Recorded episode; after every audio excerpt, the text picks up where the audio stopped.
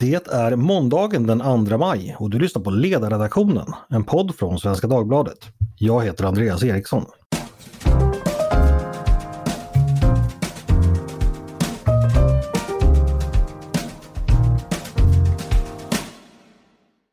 Varmt välkomna! Det har gått några veckor sedan Sverige skakades av upploppen under påskhelgen.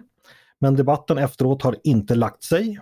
Många är fortfarande chockade över graden av våld som användes. Politikerna har kommit med olika typer av förslag och granskningen av polisens insats har fortsatt. Vi på ledarredaktionen har förstås följt efterspelet noggrant och idag ska vi försöka bringa lite ytterligare reda i sakernas tillstånd tänkte vi. När det gäller två saker. Dels kring tillståndsgivning eh, vid det vi vanligtvis kallar demonstrationer. Hur funkar det? Med mig för att göra det har jag Kasmer Åberg, före detta hovrättsråd och vice ordförande i Svea hovrätt och författaren till boken Ordningslagen, kommentar och rättspraxis. Varmt välkommen hit Kasmir! Tack så mycket! Och du har också, har du berättat för mig, skrivit en proposition som låg till grund för ordningslagen en gång i tiden. Jo, det stämmer. Jag arbetade på justitiedepartementet i regeringskansliet vid den tiden och arbetade under några år med ordningslagen eller den propositionen. Just det. Och om vi då ska börja med att reda ut eh, den juridiska materian kring Rasmus Paludan. Eh, när vi pratade innan här så sa du att vi helst ska börja i regeringsformen. Vad, vad är det vi ska titta efter där när det gäller det här fallet? Ja, det är väl så att eh, man har känslan av att det sker en liten sammanblandning med eh, eh, allmänna sammankomster och demonstrationer enligt eh, vad som sägs i regeringsformen och vilka begränsningar man kan få göra där. Så jag skulle vilja börja med, med eh, regeringsformen där det då sägs att eh, demonstrationsfriheten är en grundlagsfäst rättighet. Men den är inte oinskränkt utan redan i regeringsformen står det att den får inskränkas genom lag. Men eh, det får inte vara vilka skäl som helst för att inskränka den här demonstrationsfriheten utan det måste vara eh, skäl, ändamål som är acceptabla i ett demokratiskt samhälle. Eh, och det innebär till exempel att man får inte inskränka enligt grundlagen demonstrationsfriheten enbart på grund av politiska, religiösa, kulturella eller andra åskådningsskäl. Så det är då vad eh, grundlagen säger. Men däremot så får man då begränsa demonstrationsrätten med hänsyn till ordning och säkerhet vid demonstrationen. Eh, om det eh, är trafikfara, eh, om eh, rikets säkerhet är i fara eller för att motverka farsot. Mm, just det. Och detta hittar man då eh, i ordningslagen, de möjligheter det, eller när var kommer ordningslagen in i detta? Ja, ordningslagen, eh, eh regeringsformen talar om demonstrationsfriheten. Mm. Ordningslagen talar om allmänna sammankomster. Och då kommer vi in på vad är en allmän sammankomst? Eh, en demonstration kan vara en allmän sammankomst men inte nödvändigtvis. Eh, för då säger ordningslagen det att allmänna sammankomster eh, det är något som ska anordnas för allmänheten. Det är något som allmänheten ska ha tillträde till och det måste ske vad ska man säga, i något organiserade former. Och det innebär ju då till exempel att ensamdemonstranten som står med sitt plakat och inte har tillkännagett eh, sin opinionsyttring för att samla folk eller så. Eh, det är ju en demonstration enligt regeringsformen men inte en allmän sammankomst. Ja, just det. Och det är allmänna sammankomster som då är eh, tillståndspliktiga och det är då polisen som meddelar tillstånd. Och då kan man säga att eh, det finns ju lite uttalanden, det här allmänhetsrekvisitet, hur mycket folk bör det vara och det har JO sagt i något utlåtande att eh, det bör vara åtminstone 5-10 personer för att man ska kunna tala om att det är en allmän sammankomst. Eh, och sedan ska man också då ha eh, spridit att den här demonstrationen ska hållas. Kommer det inte mer än tio personer så kan det väl ändå vara en allmän sammankomst. Eh, men man har i alla fall önskat sig mera, flera deltagare. Just det. Bara så vi får det här helt klart. Eh, om jag då utan att meddela någon annan bestämmer mig för att gå ut på stan ensam med en skylt där det står Heja Djurgården eller vad det nu kan vara för budskap jag vill ha. Då är det en demonstration men jag fordrar inte något tillstånd för allmän sammankomst. Går det att säga så? Det är alldeles, det är alldeles riktigt. Det är alldeles riktigt. Ja, och då, men då, då kom vi då, det, det var ju ändå allmän sammankomst som det hade ansökts om i det här fallet när vi pratar då Rasmus Paludan. Och Eh, då är det ju polisen man vänder sig till. Eh, ja, vi kan börja med varför behöver man ha tillstånd för allmänna sammankomster? Är det rent praktiska skäl eller vad, vad har det med saken? Varför är det så? Eh, man kan säga allmän, tillstånd för allmän sammankomst det eh, förutsätter att allmän, den, den, allmänna sammankomsten ska äga rum på en offentlig plats. Mm. Eh, och ja, varför behövs det tillstånd? Ja, helt enkelt eh, enligt polislagen är det polisen som ska upprätthålla allmän ordning och säkerhet i samhället. Eh, det är ju så att eh, helt enkelt att för att kunna göra det kan polisen behöva ha reda på eh, vilka demonstrationer som är aktuella. Ska det vara motdemonstrationer? Ska man ge tillstånd? Ska man inte ge tillstånd? Ska tillståndet förenas med vissa villkor eller inte? Så det är väl kan man säga kort helt enkelt en, en ordningsfråga att, att eh, statsmakterna ska ges en möjlighet att upprätthålla ordningen på gator. Mm. Och eh, Du nämnde det tidigare men bara så det blir helt glasklart. Vilka skäl får polisen ha för att neka tillstånd? Du nämnde ordning och farsot. Eh, ja, vad kan det vara? Ja, det var enligt, enligt grundlagen. Va? Eh, men eh, det är så att eh, en, ett tillstånd då får vägras om det är nödvändigt med hänsyn till ordningen eller säkerheten vid sammankomsten eller som en direkt följd av den i dess omedelbara omgivning. Och sedan eh, kan det då också vara av hänsyn eh, till trafiken eh, och för att motverka epidemi. Mm. Det här med motverka epidemi det var ju lite aktuellt eh, när det var corona restriktioner till exempel att man fick inte samlas mer än ett visst antal personer och så. Men polisen får alltså inte neka av politiska skäl för att de åsikter som ska framföras kan förväntas vara dåliga på något sätt? Nej, man kan väl säga helt enkelt så att eh, eh, polisen kan ju fordra in vissa uppgifter om ja, från anordnaren av den här sammankomsten. Men man har alltså inte rätt att eh, värdera det politiska budskapet. Nu har det ju då i efterföljden av Paludans verksamhet eh, argumenterats för att eh, de ordningsstörningar då, kravaller och upplopp som följde på Paludans tidigare manifestationer borde innebära att polisen då in, att man ska helt enkelt vara, vara ganska restriktiv gentemot mot att ge honom tillstånd eh, just av ordningsskäl. Kan man resonera på det sättet? Alltså polisen ska ju eh, pröva varje ansökan individuellt men det, eh, varje ny ansökan ska prövas men det finns en regel i ordningslagen som handlar om Eh, Polismyndighetens möjligheter att förbjuda en allmän sammankomst och det får ske om det vid en tidigare sammankomst av samma slag uppkommit svårare oordning vid själva sammankomsten eller som en följd av den i dess omedelbara omgivning. Spelar det någon roll vem som står för den oordningen? Nej, det gör det inte. Alltså eh, de som har varit med för slutet på 80-talet, början på 90-talet eh, när man eh, mer än nu tror jag firade Karl XIIs dödsdag 30 november. Då var det ju eh, rätt så stökigt vid de här demonstrationerna och motdemonstrationerna. Mm. Och då, alltså polisen kan ju förena ett tillstånd med villkor. Till exempel ansöker man om att marschera från A till B så kan polisen säga att nej det kan vi inte göra, vi kan inte garantera säkerheten. Ni får göra en stillastående manifestation under eh, en kvart på det här torget till exempel.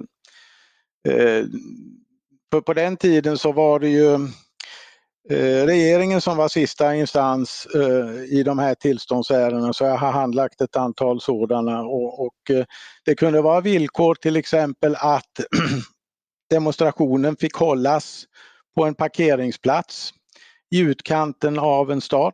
Mm. För, för det jag är ute efter lite här med om det ordningsstörningen, om det inte spelar någon roll vem som utför den. Det är ju naturligtvis så att då kan ju politiska motståndare till en aktör se till att varje gång den aktören eh, får tillstånd för att ordna en allmän sammankomst, då ser man till så att det blir så mycket kravaller, man går dit helt och lever djävulen själv helt enkelt. Att man närmast skapar, skapar ett incitament för motdemonstranter att ställa till med så mycket våld och oordning som möjligt så att ens motståndare så att säga inte kommer få tillstånd i framtiden. Och det, den mekanismen kan väl inte riktigt vara meningen med lagen så att säga? Ja, eh, alltså lagen är ju uppbyggd på det sättet att folk ska följa lagen. Va? Mm. Eh, och då är det ju tänkt att demonstranter mot demonstranter de ska ansöka om tillstånd för att polisen ska kunna göra en vettig prövning och eh, komma fram till hur ska man kunna låta de här grupperna demonstrera eh, på ett säkert sätt så inte eh, respektive demonstranter kommer till skada eller allmänheten kommer till skada. Eh, men det är ju alltså polisens uppgift att upprätthålla allmän ordning och säkerhet i samhället. Och eh, ser man då att eh, det inte går, då, då kan det ju vara, då, eller rättare sagt, då är det väl ett skäl att eh, neka tillstånd. Som jag sa på slutet på 80-talet, början på 90-talet så gick det ju rätt så våldsamt till men det var väl i ytterst få fall om ens något där det var sån våldsutövning så att några tillstånd nekades utan det var som jag sa att man kunde bli tvungen att hålla sin sammankomst på en parkeringsplats i utkanten av kommunen eller någonting sånt och då fick man ju välja om man ville det eller om man skulle avstå ifrån det. Mm. I den nu aktuella situationen så har ju Rasmus Paludan, så vitt jag har förstått, nekats tillstånd nu efter påsk. Eh, ja. Jag tycker det, jag kanske missförstår men jag tycker ändå det verkar ligga lite i farans riktning så att säga att om man har åsikter som tenderar att väcka sån vrede från sina motståndare, då är det helt enkelt så att polisen inte kan garantera säkerheten och då får man helt enkelt inte tillstånd för allmän sammankomst och då, då så att säga avgörs ju möjligheten att uttrycka sina åsikter ytterst av det våld som ens motståndare kan mobilisera. Förstår du vad jag är ute efter? Ja, ja jag förstår. Eh, ser jag du någon förstår. sån risk? Jag tror att det som har hänt nu med Paludan är rätt så exceptionellt. Eh, jag har svårt att se att detta skulle vara någon generell företeelse. Mm. Det, det, alltså, det regelverk som finns det är ju eh, i enlighet, alltså de in, möjligheter till inskränkningar och avslag som finns det är ju vad man kan så att säga, förvänta sig av ett demokratiskt samhälle. Och man får ju alltså, och, och då det som kan leda till ett avslag det är ju att det inte är möjligt att upprätthålla allmän ordning och säkerhet. Man får ju alltså inte avslå på grund av det budskapet som ska föras fram. Utan det är helt enkelt för att kunna skydda allmänheten. Mm. Eh, hur ser det ut med, vi vet ju vad lagen säger, du har skrivit en bok. Eh, men så vitt jag förstått så det finns inte jättemånga prejudikat eh, att titta på här. Eller några domar har vi. Eller hur ser det ut på den fronten? Ja, alltså eh, jag har ju kikat lite grann på det. Eh, när eh, ordningslagen eh, kom till eller trädde i kraft, då ändrade man ju eh, överklagandeordningen. Tidigare var det Polismyndigheten, eh, Länsstyrelsen och eh, regeringen. Mm. Och nu gör man det till en domstolsprövning. Det är Polismyndigheten, Förvaltningsrätten, Kammarrätten och Högsta förvaltningsdomstolen. Och eh, i den mån det blir avslag så hinner ju eh, inte överklagandena vandra särskilt långt. Så det finns ju inte något avgörande så vitt jag vet från Högsta förvaltningsdomstolen till exempel. Men om man då går tillbaka och tittar på eh, det här eh, slutet på 80-talet, början på 90-talet, första hälften av 90-talet så finns det en rätt så rik praxisflora av regeringens beslut. Det finns också en hel del avgöranden från JO och några från JK. Så att, eh, eh, och alla de här kan man väl säga Eh, går ju ut på att eh, det ska, eh, ett avslag eh, det, det kräver, eller det, det, ska vara tillämpas med stor restriktivitet. Mm. Eh, vi resonerade lite innan programmet och då, då nämnde du att eh, den här lagen då som ja, du var med och skrev, det var ju nästan 30 år sedan nu. Eh, samhället genomgår, har genomgått stora förändringar sedan dess. Eh, och att det också påverkar förstås eh, ja, i vilket sammanhang som lagen används. Eh, var det något speciellt du tänkte på där eller kan du utveckla lite den tanken vad som har förändrats i övrigt? Ja, jag tänkte väl kanske i första hand mer på ehm, eh, det här allmänna sammankomster, då talar vi om andra kapitlet i ordningslagen och jag tänkte väl mer på tredje kapitlet där man i anspråk tar eh, offentlig plats för andra ändamål än vad den är upplåten för. Eh, det som var på tapeten i början på 90-talet det var filtförsäljning på Drottninggatan och tjutande billarm mm. Och idag så är det väl kanske elsparkcyklar som är mer på, av intresse. Så där har ju eh, det här offentliga rummet använts på ett annat sätt än vad det gjorde för 30 år sedan. Och varje tid har sin behov av juridisk vägledning. Så är det. Eh, sedan kan man ju väl säga så att eh, de här opinions friheterna som är reglerade då i regeringsformen att det, det ska väl krävas rätt mycket för att eh, de eh, skulle inskränkas på något sätt. till exempel. Mm. Eh, innan vi avslutar, en sista fråga. Finns det någon annan aspekt i den här diskussionen som har följt på eh, Paludans eh, lilla turné och tillståndsgivningen som du skulle vilja lyfta? Eh, någonting som kanske annars har missats i diskussionen eller som har missförståtts? Nej, det var väl egentligen det jag inledde med att eh, det kan väl vara ibland, eller rätt så ofta tycker jag, en liten sammanblandning mellan ja, att alla demonstrationer är inte allmänna sammankomster. Mm. Uh, utan man drar det över en kam och uh, ofta kanske bara hänvisar till de inskränkningar som sägs uttryckligen i regeringsformen. Eh, men alltså eh, polisen har ju en lite större verktygslåda än så enligt de reglerna som finns då i, i ordningslagen. Eh, så det är väl det klargörandet jag tycker kan vara värdefullt att ha med sig. Mm. Ber vi lyssnarna att ta med sig detta och är man mer nyfiken kan man förstås också läsa din bok som är en kommentar till ordningslagen. Stort tack för att du ville komma till mig Casimir Åberg och förklara detta. Tack så mycket.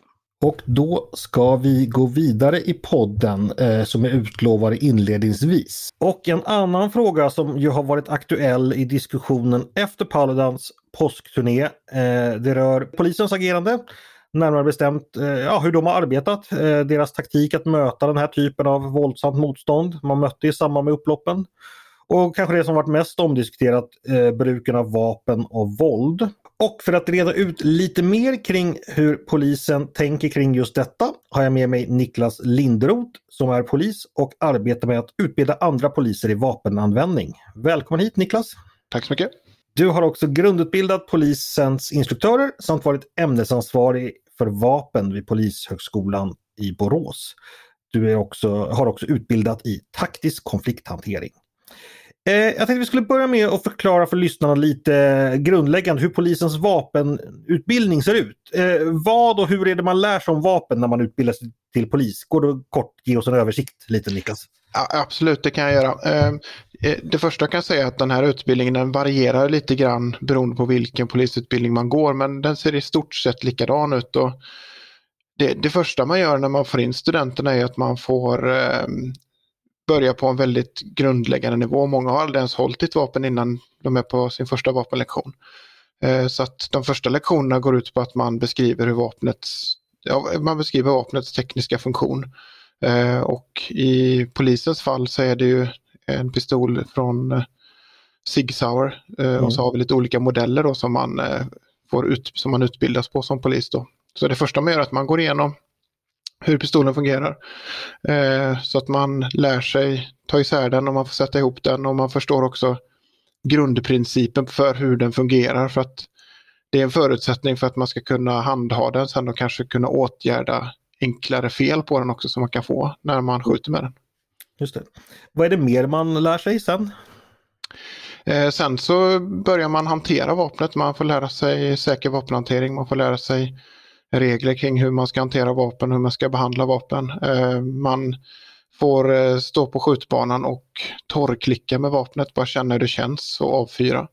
Man får lära sig använda riktmedlen. Eh, polisen har ju fasta riktmedel på sina pistoler, de går inte att ändra utan de är fast inställda och man får lära sig att eh, sikta med dem och eh, hur det känns. Och helst ska man ha både ögonen öppna när man gör det så att man ser så mycket som möjligt. Och, så. Eh, och det är viss teknik med det. Eh, när man siktar med pistol så ska man titta på kornet, det lilla det mindre siktet som sitter längst fram på vapnet och sen så har man ett siktblad där bak då och de ska man ju lägga efter varandra och så eh, sikta på det man vill skjuta på. Då. Och det, det är en viss teknik med det för att man ska fokusera på kornet och då blir målet suddigt och sådär. Det, det kräver en del övning faktiskt. Det är inte så lätt att skjuta pistol som man kanske kan tro om man inte har gjort det innan. Ja, jag har testat och vet att det, det, det är inte alls lätt att träffa rätt. Eh, hur, hur, lång tid eh, är det sammanlagt som man utbildar sig på vapen under sin utbildning ungefär? Ja, men det, det, det varierar lite grann från utbildning till utbildning också, men 200, 200 plus timmar i alla fall. Eh, mm. Någonstans där. Och det var blir det, fem sex veckor? Då, någonting. Nå, någonting sånt, ja. Just det. Och eh, när det gäller då när man då ska använda vapen eller får använda vapen, eh, vad, vad, lär man sig? Eller, eller, så här, när är det polisen egentligen ska och får använda vapen? Vad, vad är det som, som gäller där och hur, hur lär ni blivande poliser detta? Eh, nej men, det finns eh, ett flertal situationer där polisen kan använda vapen. Man, vi kan ju börja med nödvärnssituationen då där det handlar om att avvärja ett brottsligt angrepp. Eh, antingen som pågår eller som är vad som man säger omedelbart förestående. Att det krävs att man ingriper omedelbart för att kunna avvärja det här då. Och pratar vi skjutvapenvåld så är det ju ett allvarligt hot som behöver avvärjas. Livsfarligt våld brukar man ju prata om då. Mm. Eh, och eh, då har polisen rätt till nödvärn, precis som alla andra svenska medborgare har rätt till nödvärn. Så där råder ingen skillnad egentligen mellan polis och gemene man. Det är samma nödvärnsrätt man pratar om. Eh, så att där lär man sig, man lär sig olika situationer eh, som kan vara nödvärnssituationer och eh, man går igenom dem kanske först på skjutbanan teoretiskt, man pratar med eleverna och sen så har man också skjutsimulatorer där det spelas upp en film där man sätts i olika situationer då och ska agera mot den här filmen då med ett vapen som ger eh, en träffmarkering där man träffar på filmen då. Eh, mm. Och så, där. Så, så sätts man i massa olika scenarion. Och det finns också casebaserad metodik där man jobbar i övningsmiljö då och har eh, vapen som skjuter iväg en liten färgampull och så liknande. Eh, som man kan jobba med. Då. Och det, mycket handlar ju om att man ska eh, automatisera så mycket av beteendet som möjligt. För många av de här situationerna är hastigt uppkomna och man blir överraskad och det är inte så jättemycket tid att fundera i de här lägena utan det, det kan handla om någon sekund eller två som man ska ta det beslutet att man ska skjuta eller inte. Då. Mm. Och det, det, då ska det helt enkelt vara, då, då ska det finnas i, i bakhuvudet direkt, hur man, både beslutet och själva handlingen så att säga, hur man ska agera? Ja, alltså det vi vill få fram när vi utbildar studenter på polisutbildning är att vi ska automatisera, som vi säger, att vi ska få bort så mycket av tankeverksamheten kring handhavandet av vapnet som möjligt så att man känner sig helt trygg med den hanteringen. Man ska inte behöva tänka på den hanteringen överhuvudtaget utan all tankeprocess ska gå åt till att ska jag skjuta eller inte? Eh, och kan jag skjuta eller inte? För Det är också en, en sak man måste ta hänsyn till och, och, träna på och ha kunskap om då hur ja, dels hur svårt det faktiskt är att träffa ett rörligt mål med pistol men också vad som händer om en kula inte träffar sitt mål. Den kan ju sticka iväg ganska så långt och, och skada tredje man också naturligtvis. Då. Mm. Eh, om vi dröjer lite just för det här beslutet, eh, ska jag skjuta eller inte? Du nämnde nödvärn tidigare. Vilka andra situationer är det som polisen förväntas eh, använda sina skjutvapen? Eh, nej men, vi har ju nödvärnssituationer som gått igenom. Sen har vi ju, man kan använda pistolen i nöd också. Och det är kanske mer om man blir angripen av ett djur till exempel så kan man också använda sitt skjutvapen men det blir väl mer en parentes. Mm. Eh, och sen så kan ju polisen använda den i laga befogenhet som man säger också. att det finns ju ett eh, Polisen har ju rätt att använda våld för att genomföra en tjänsteåtgärd och det innefattar även skjutvapen och det kallar vi då för laga befogenhet, att polisen har laglig rätt att använda skjutvapen. Mm. Um, och där finns det ju eh, en möjlighet för polisen att använda skjutvapen också. Det regleras i någonting som heter skjutkungörelsen. Uh, och då kan polisman använda skjutvapen för att uh, gripa personer misstänkta för uh, vissa brott och det är ganska grova och allvarliga brott som avses då. Och det finns en lista i skjutkungörelsen vilka de här brotten eh, innefattar. Då. Till exempel grovt narkotikabrott är ett sådant brott. Då kan polisen använda skjutvapen för att gripa en person. Då.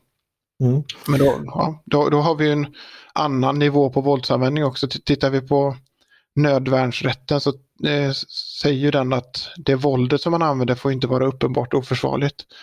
Ehm, det vill säga att man har rätt att använda faktiskt lite mer våld än vad nöden kräver. Det finns liksom en, en säkerhetsventil för att eh, det finns en förståelse från lagstiftaren att många av de här situationerna kan vara så hastigt uppkomna och, och, kan vara så våldsamma att det är svårt att rätt väga våldet och, och där, den hänsynen tar man även till när poliser använder våld och dessutom så finns det något som heter excess.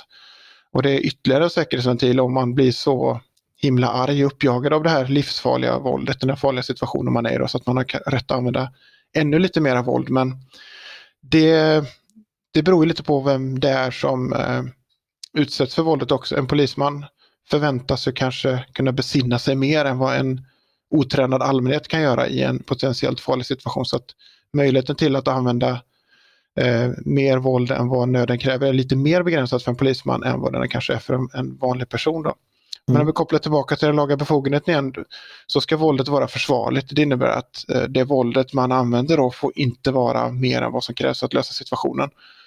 Eh, så det innebär ju i praktiken, ska man använda skjutvapen för att gripa någon så är det ju för att då skjuter man ju för att eh, kunna gripa. Alltså det, då skjuter man ju, i praktiken blir det att man skjuter mot, eh, mot benen eller något liknande för att kunna gripa den här personen då. Mm.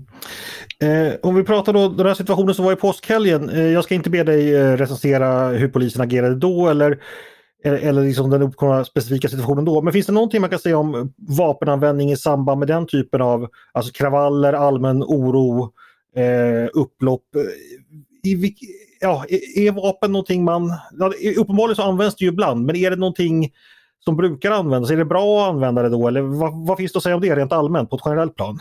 Eh, det är väldigt svårt överlag i en situation som är ett våldsamt upplopp. Jag, jag har varit i några själv. Det, det, är väldigt svårt att se vem som gör exakt vad i många situationer. Eh, ofta har man ett myller framför sig med personer. Eh, man har skyddsmask på sig, kanske man kanske har visiret nedfällt. Eh, det finns massa saker i vägen. Det är ett myller med människor, det kommer stenar hela tiden som kommer flygande och det kan vara svårt att se vem som gör vad. Eh, inte sällan har ju de här personerna liknande klädsel och sånt där också. Eh, men även om man då ser en person som eh, har en sten och som är på väg att slänga den stenen för att eh, för att slänga, och upp att kasta den stenen så kan det vara så att när personen befinner sig i, en, i en, ett myller med människor och vilket gör att det, det blir svårt att skjuta för att det finns risk att man träffar någon bakom den här personen. Mm. Så att det, det, det, är en väldigt svår situation att använda vapen i och Eh, tittar man på att skjuta i laga befogenheter i de här situationerna också så Dels så finns inte just våldsamt upplopp eh, med i den här listan med brott som man kan använda för att gripa. Och sen, det, det är en svår situation att använda skjutvapen i. Sen så finns det möjlighet att göra det. Det kan finnas juridisk täckning för att använda skjutvapen i den här situationen, absolut. Och det tror jag också att det gjorde under påskhelgen. Och man sköt ju faktiskt också varningsskott och det, det kan man också tillägga det att för att skjuta varningsskott så måste eh, förutsättningarna för verkanseld vara uppfyllda. Det vill säga att det är exakt samma krav som att skjuta skarpt på någon som det är för att skjuta varningsskott. Så det, det, är ganska högt ställda krav för att kunna skjuta varningsskott. Då. Så när polis gör det så är man antingen i en nödvärnssituation eller i en laga befogenhetssituation. Och I påskhelgen så var det nog att man var i en nödvärnssituation och man hade kunnat skjuta mot personer också eh, men valde då att skjuta varningsskott istället. Um, och ja, jag, mm. tänker inte, jag tänker inte recensera om det var rätt eller fel. Jag, jag har fullt förtroende för att de kollegorna som var där tog det beslutet som eh, mm. de fann bäst i situationen. Men bara så vi förstår det här, alltså, alltså varje gång man använder sitt vapen då måste det så säga, finnas skäl till det som du har räknat upp. Alltså, för jag får ibland för mig att vissa föreställer sig att polisen ska utkämpa någon sorts gatustrider där man liksom ska nedkämpa eh, upploppen så som soldater skulle ha gjort i krig. Men, men det, liksom, det, det kommer inte på fråga utan det är, inte den, det är inte därför man har vapen så att säga. Liksom. Nej men alltså, det finns ju en anledning till att vi har en polisstyrka som man har avsatt för att hantera oroligheter och våldsamheter i ett land, alltså inrikes i ett land. Och det är ju den egna befolkningen vi har att göra med. Det är ju inte en beväpnad motståndare som kommer utifrån. Som, vi har inte ryska soldater som kommer hit och som med, med vapenmakt försöker eh, angripa Sverige. Då, då är det militären som ska sättas in och det är militärstrategi. Utan här har vi att göra med egna medborgare, vi har eh, att göra med mammor, vi har att göra med barn och eh, då måste man också väga våldsanvändningen emot det, att vi, vi använder våld mot våra egna medborgare och att det är Ehm, kan finnas eh, personer som är där av ren nyfikenhet också som inte deltar i våldsamheterna som också kan råka illa ut om, om polisen skjuter. Utan det, att använda skjutvapen i upploppssituationer är ju den yttersta utvägen så som jag ser det för att poliser inte ska eh, slås ihjäl helt enkelt. Och, och att vi har den taktiken som man har det, det, är, det är yttersta är en konsekvens av att Eh, i Göteborgskravallerna så hamnade man i sådana bekymmer så att man blev tvingad att använda skjutvapen mot personer. Då satte man sig ner och såg över den här taktiken. Då. Så att eh, det är inte så att jag vill avväpna poliser som jobbar i, i situationer där man har folkmassor att göra men återigen, alltså använda skjutvapen mot folkmassor, det ska vara den yttersta utvägen. Eh, och då handlar det om att vi ska skydda poliser som, från, att, från att slås ihjäl helt enkelt för att prata klarspråk. Mm. Eh, vi ska ta lite bredare om hur, hur, hur, polisen agerar just när det gäller oro eh, och kravaller eh, när det gäller just då, på engelska tror jag man säger crowd control, riot control och sådär. Mm. Eh, ni poliser, ni agerar i enlighet med någonting som heter MIK. Eh, vad står det för? Kan du berätta vad det, det är för någonting? Eh, mobila insatskonceptet står det för och det är en del av polisens särskilda polistaktik. Eh, och den särskilda polistaktiken den innefattar också då eh, dialogpoliser exempelvis. Den innefattar civilt ingripande. Eh, den innefattar spaning och video och alla möjliga eh, andra specialfunktioner. Eh, man kan även ha med hästar och liknande på ett hörn i den här taktiken också, den särskilda polistaktiken.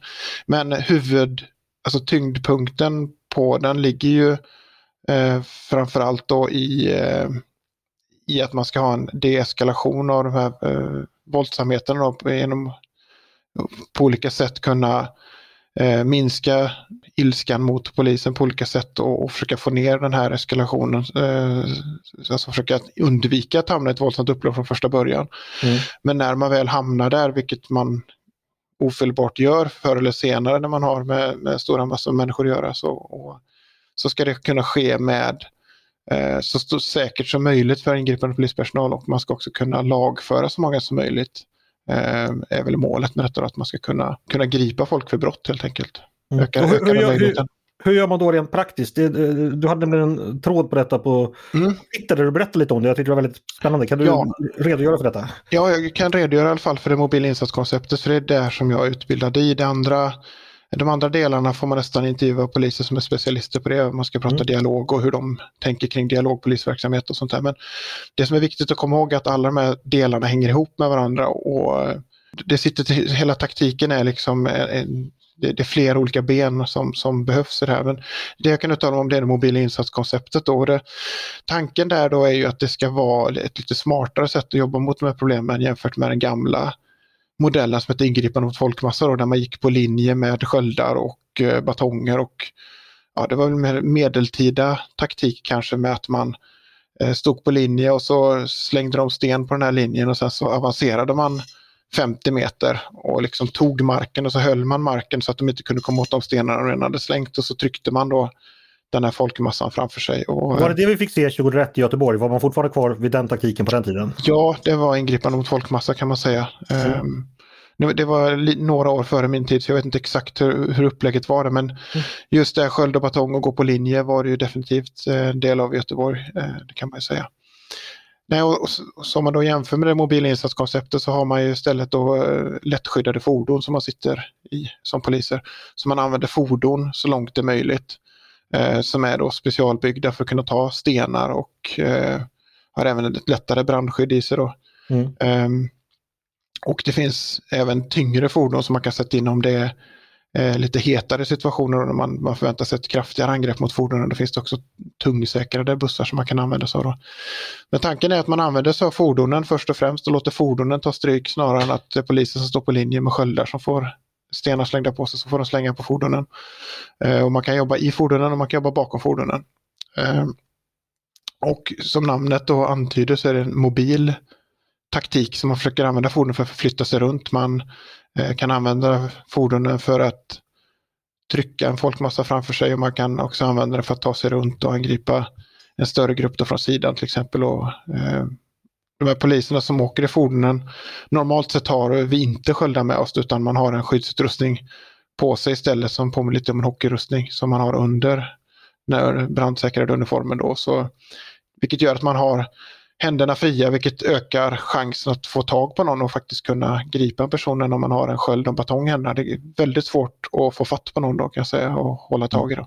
Men tanken är att man håller sig i sina fordon så länge det behövs eller så länge som möjligt så att säga och sen hoppar man ut ifall man ska gripa någon eller göra någon annan insats helt enkelt. Ja, alltså det, det är en hel taktik där. Det är en special, specialistutbildning på två veckor. Så att, men något förenklat så är det tanken att man, man ska använda sig av fordonen och använda fordonen som skydd eh, för att undvika att bli stående på linje och stå och få stenar slängda på sig utan att man kan eh, göra så mycket åt det helt enkelt. Utan man ska använda fordonen och försöka manövrera och ta sig runt och, och jobba både med eh, de andra delarna i den särskilda polistaktiken också med eh, det finns ju civilt ingripande och sånt där också som man kan jobba med samtidigt. Då.